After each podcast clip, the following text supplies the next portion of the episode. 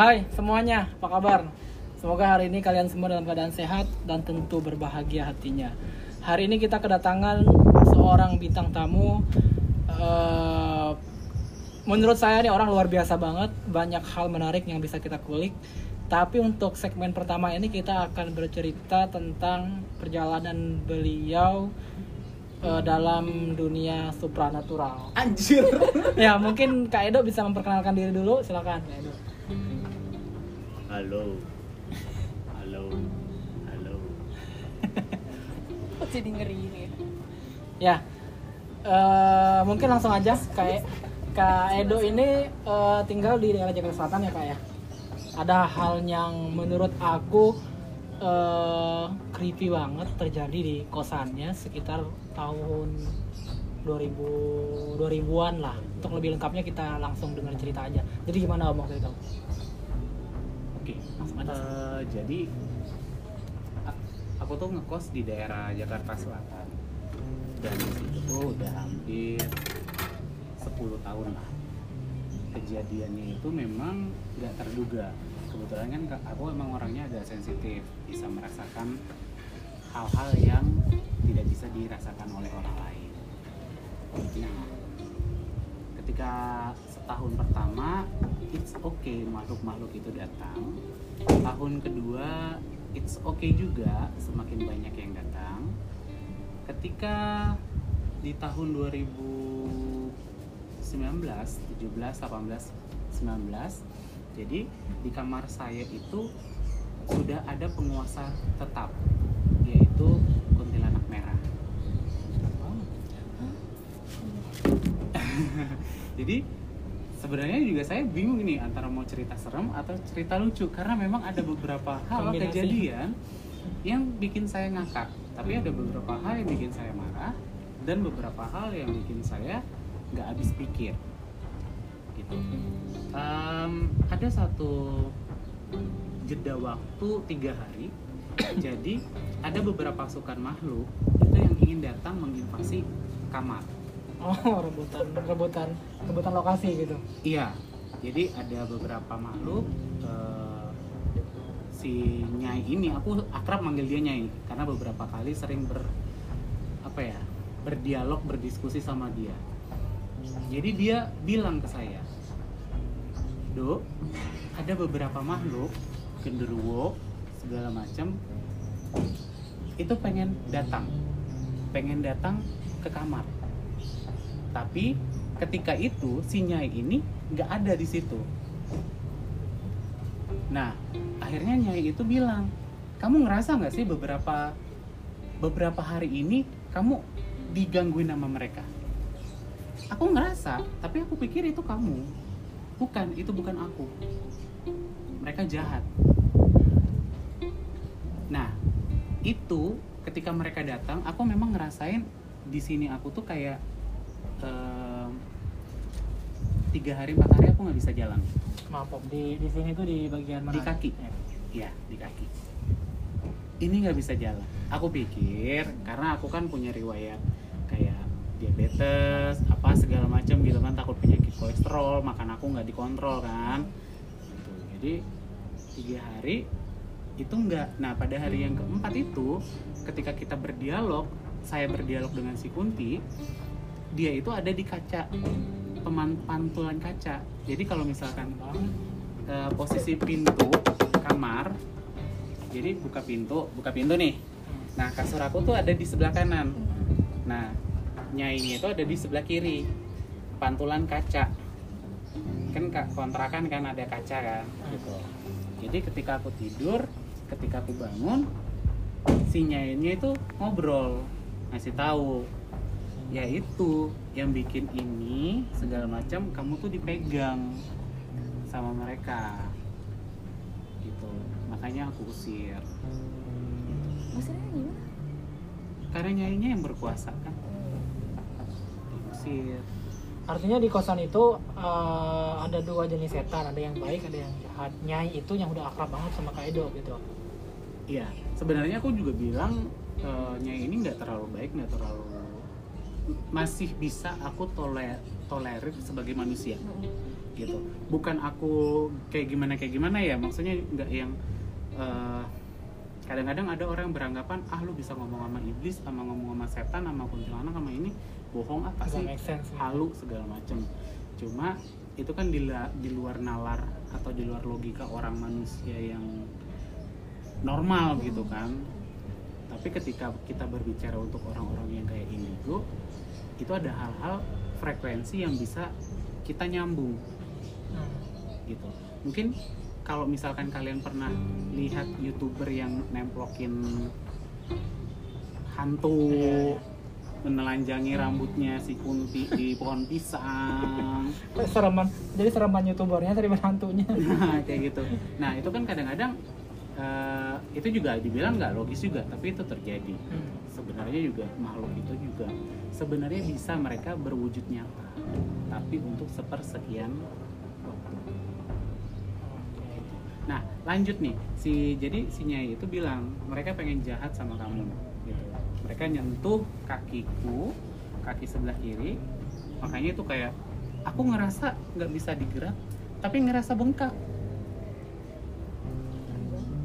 Jadi ketika aku lihat kayak gini, itu kayak bengkak. bengkak sebelah gitu. Ya.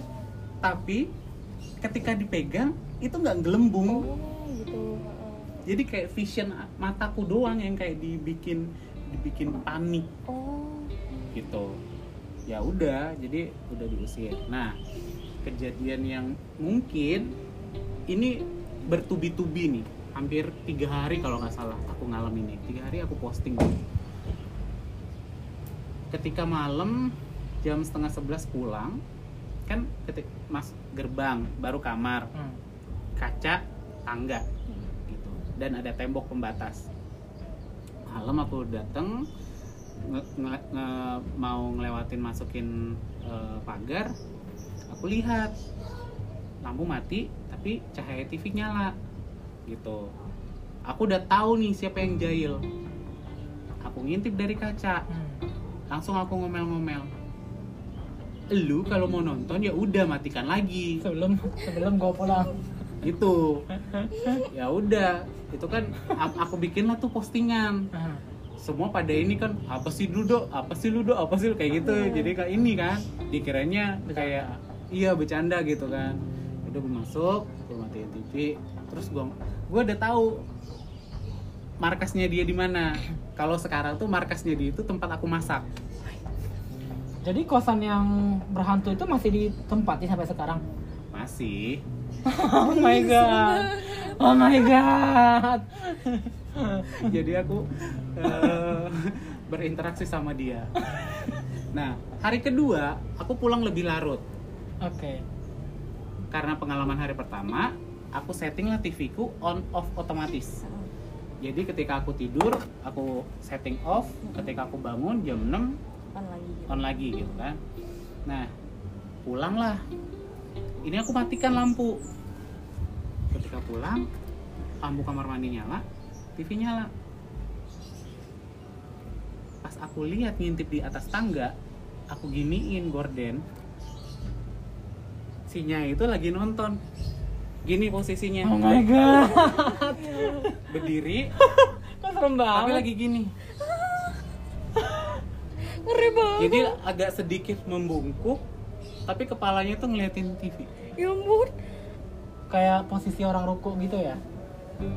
Eh, bisa dibilang ya kalau lagi kayak gini kan kalau lagi sholat kan gini kan Iya, ya? Iya. Nah, tapi dia ngeliatin TV terus ketika aku ngintip gini langsung gue omelin. Ya eh monyet gitu. Ya hilang dia. Gue setan kali kata udah nggak ada harga dirinya setan. Aku spontan ngomong itu. Nah besok paginya ditanyain sama mbak-mbak kosan depan. Kenapa? Dok, kenapa lu malam-malam? Enggak biasa. Kenapa? Enggak, aku kan nggak berani cerita dulu kan. Nah, terus masuk jam tiga setengah empat tuh dia ada. Aku kalau jam-jam segitu kan biasa ke bawah pipis kan, bangun ke bawah pipis. Nah, ngobrol sama dia. Lu ngapain sih? Gini gini gini. Habis sepi. Nah, ketika 2018 itu kan aku traveling terus kan Hmm. jadi ke kosan itu paling cuma sehari dua hari traveling lagi si nyainya itu kesepian nggak ada temen gitu. Terus aku bilang sama dia ya udah terbang sana. Aku bilang kayak gitu kan. Jadi emang kayak ngobrol sama temen gitu loh im. Ah. udah kirain aku clear.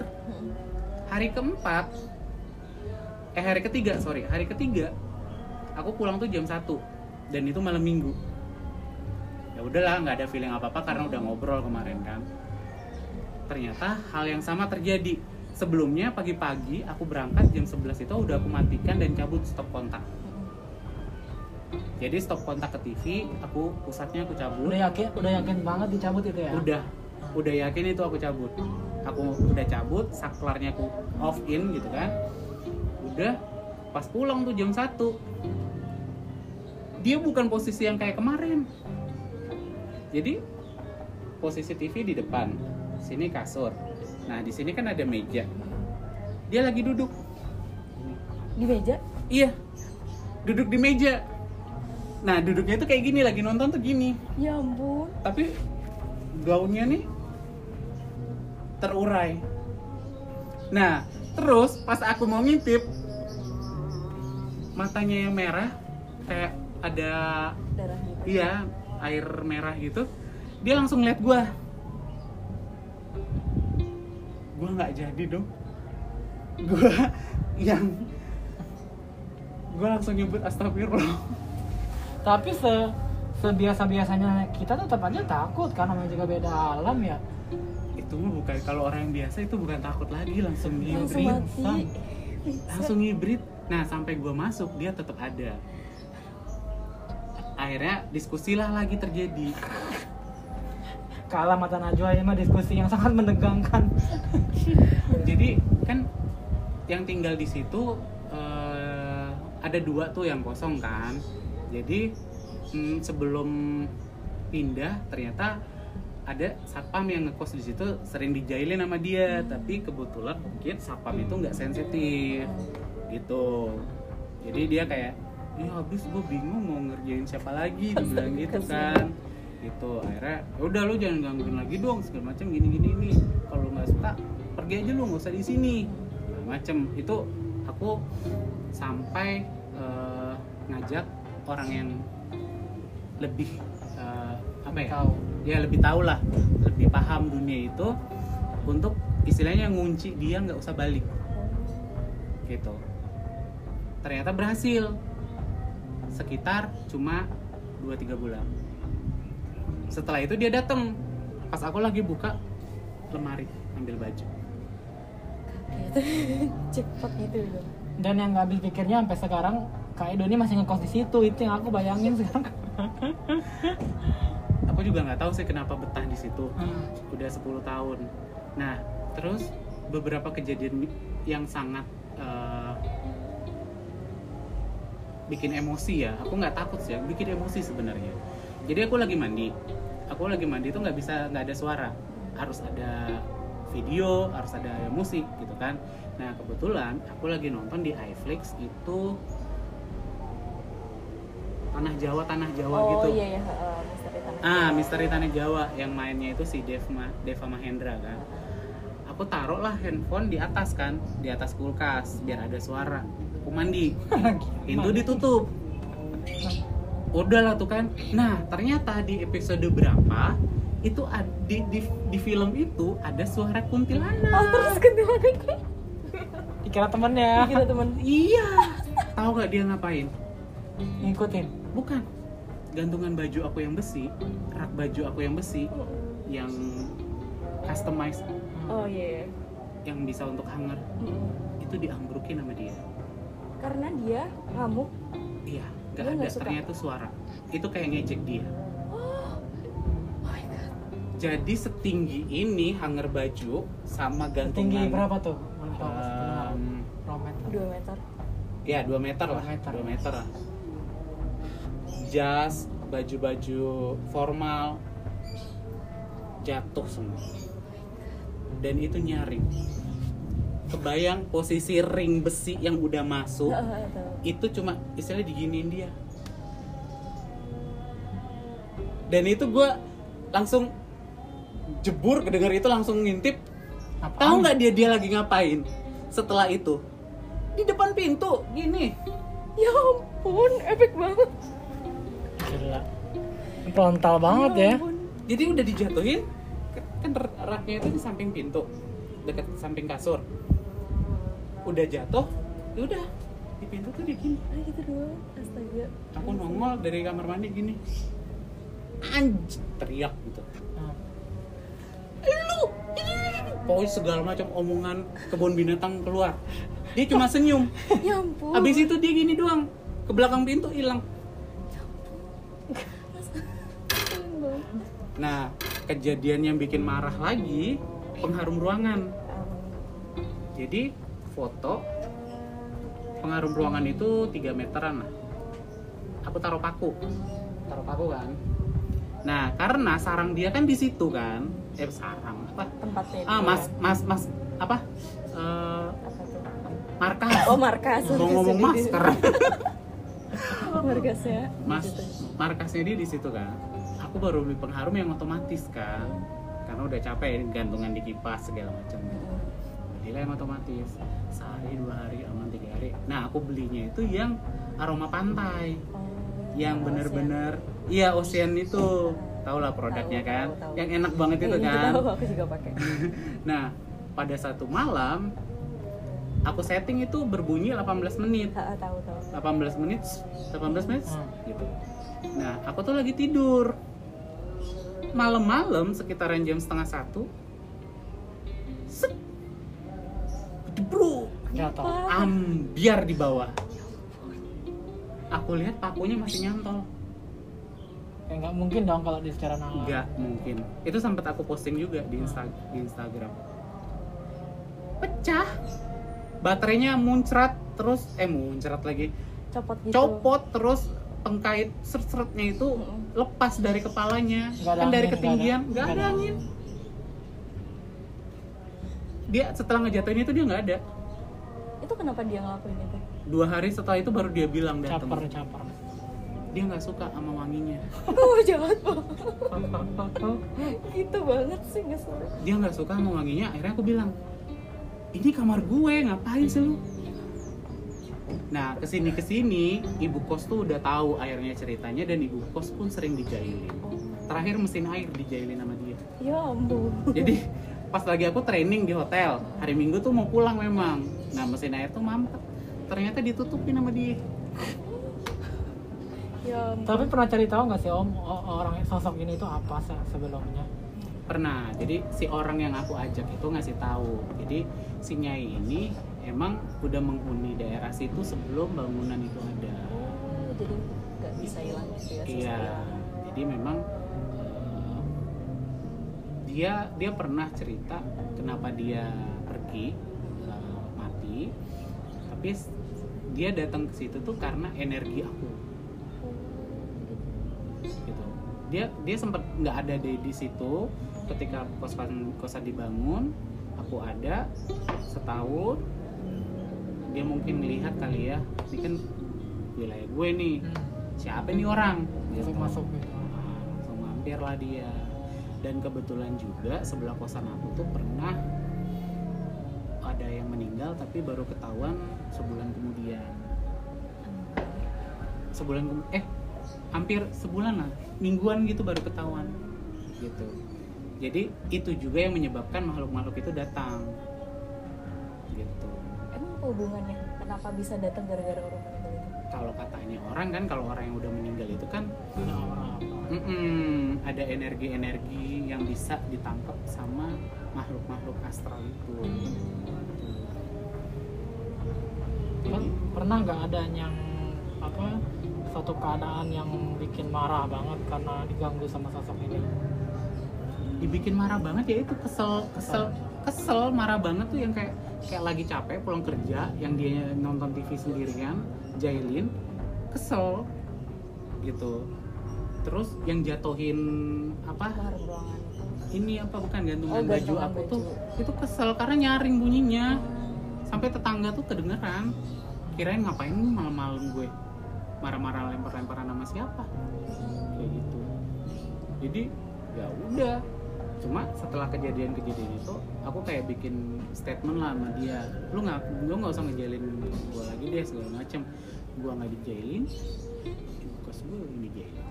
gantian Tapi malah jadi nggak takut lagi ya kalau posisinya gangguin Kak Edo gini. Coba kalau kita orang-orang penghuni kosan murah kayak semacam saya gini, pasti udah pindah dari awal ditampakin sih.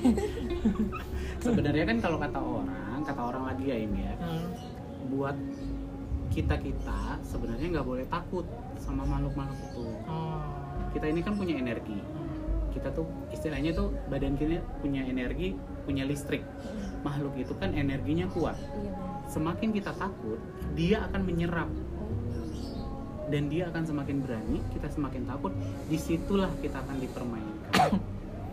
Gitu. Jadi kalau ada ya kayak gini juga aku sering kayak melihat segala macem. Pernah waktu liputan kejadian di Cirebon Cirebon itu kan agak Iya. ini Kental kan. dengan mistis. ada pohon segala macam aku lagi liputan tuh kebetulan lagi ada kecelakaan Eh, jadi pemotor dilindes kepalanya sama truk. Nah setelah kejadian itu aku mau liputan kuliner malam empol eh empol empal gentong. Oh iya tahu di daerah kota tuanya Cirebon ada yang enak itu kan nah di sepanjang itu banyaklah teman-teman tanda kutip itu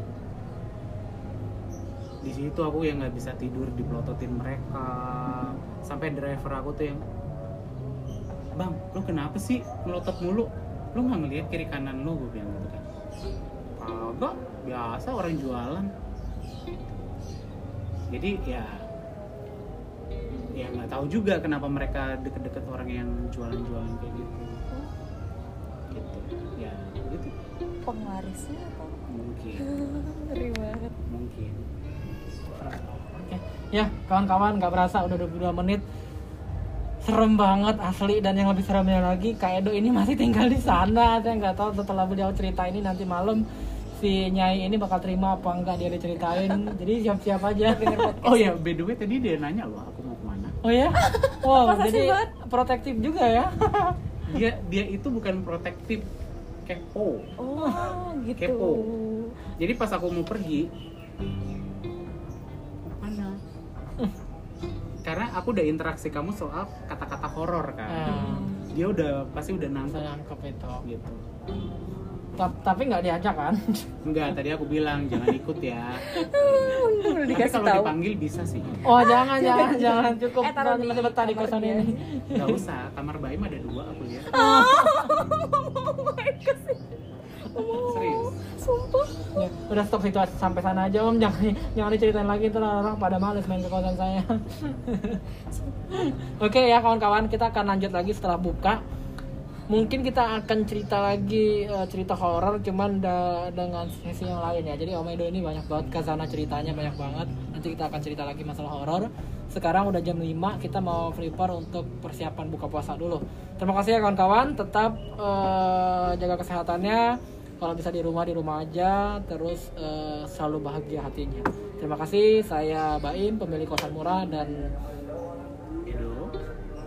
kan gak masuk ke iya ada karyawan kantoran yang malu-malu. Terima kasih. Wassalamualaikum warahmatullahi wabarakatuh. Selamat sore